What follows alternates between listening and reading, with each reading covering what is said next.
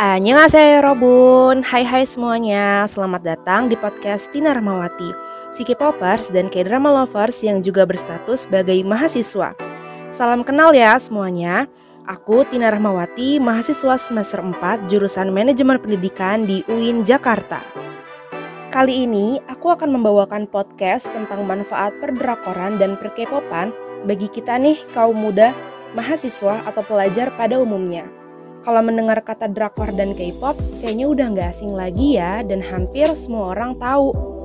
Apalagi beberapa tahun terakhir ini banyak banget konten atau iklan di TV, di medsos, yang banyak banget masukin unsur kekoreaan di dalamnya. Nah, aku sebagai pecinta K-pop dan K-drama tentu senang banget dengan Hallyu Wave yang semakin besar di Indonesia.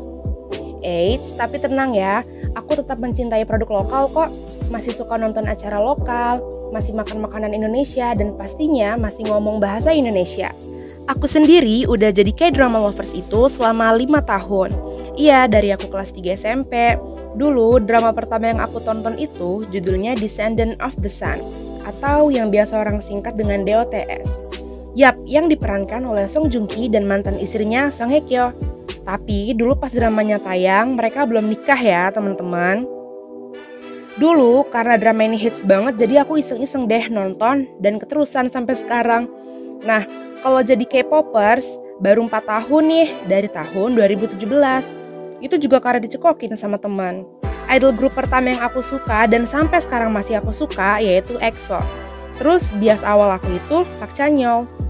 Oke, okay, FYI, bias dalam dunia K-pop itu artinya member atau personil yang paling disuka gitu, atau crushnya kita. Bias ini singkatan dari being inspired and addicted to someone.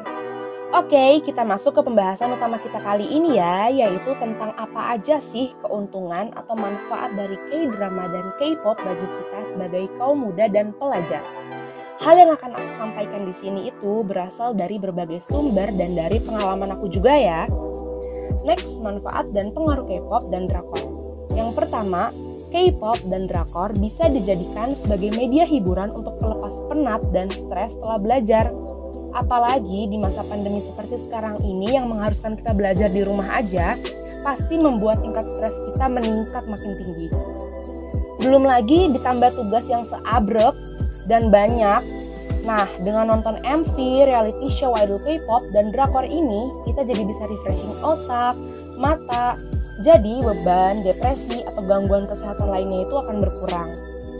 Yang kedua, selain itu, kita juga dapat terinspirasi dari sosok idol atau aktor dan menjadikan mereka sebagai teladan dalam hal yang positif.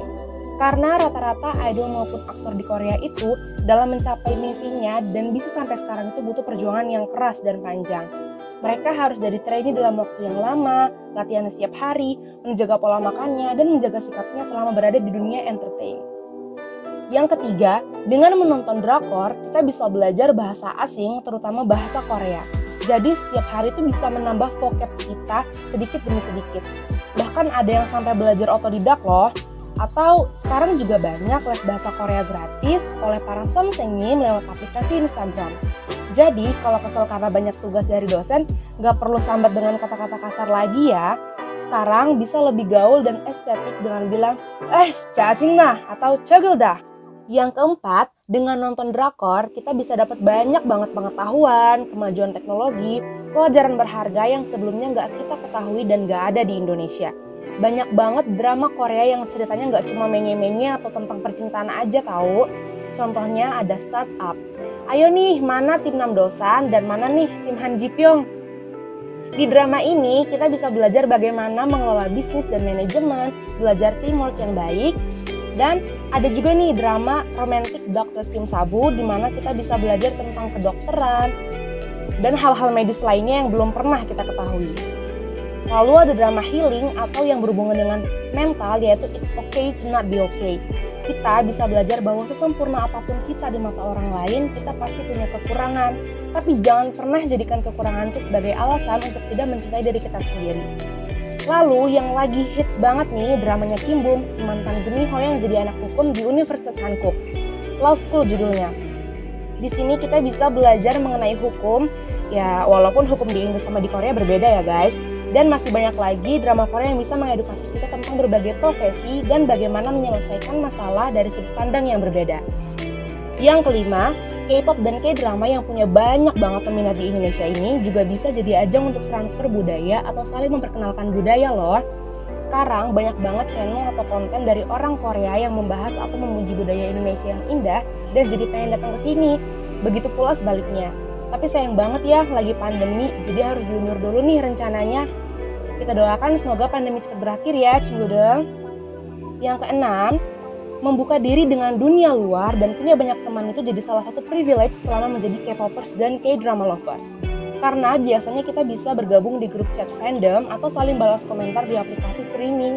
Dan pertemanan ini kalau beruntung bisa diperluas loh sampai lintas negara.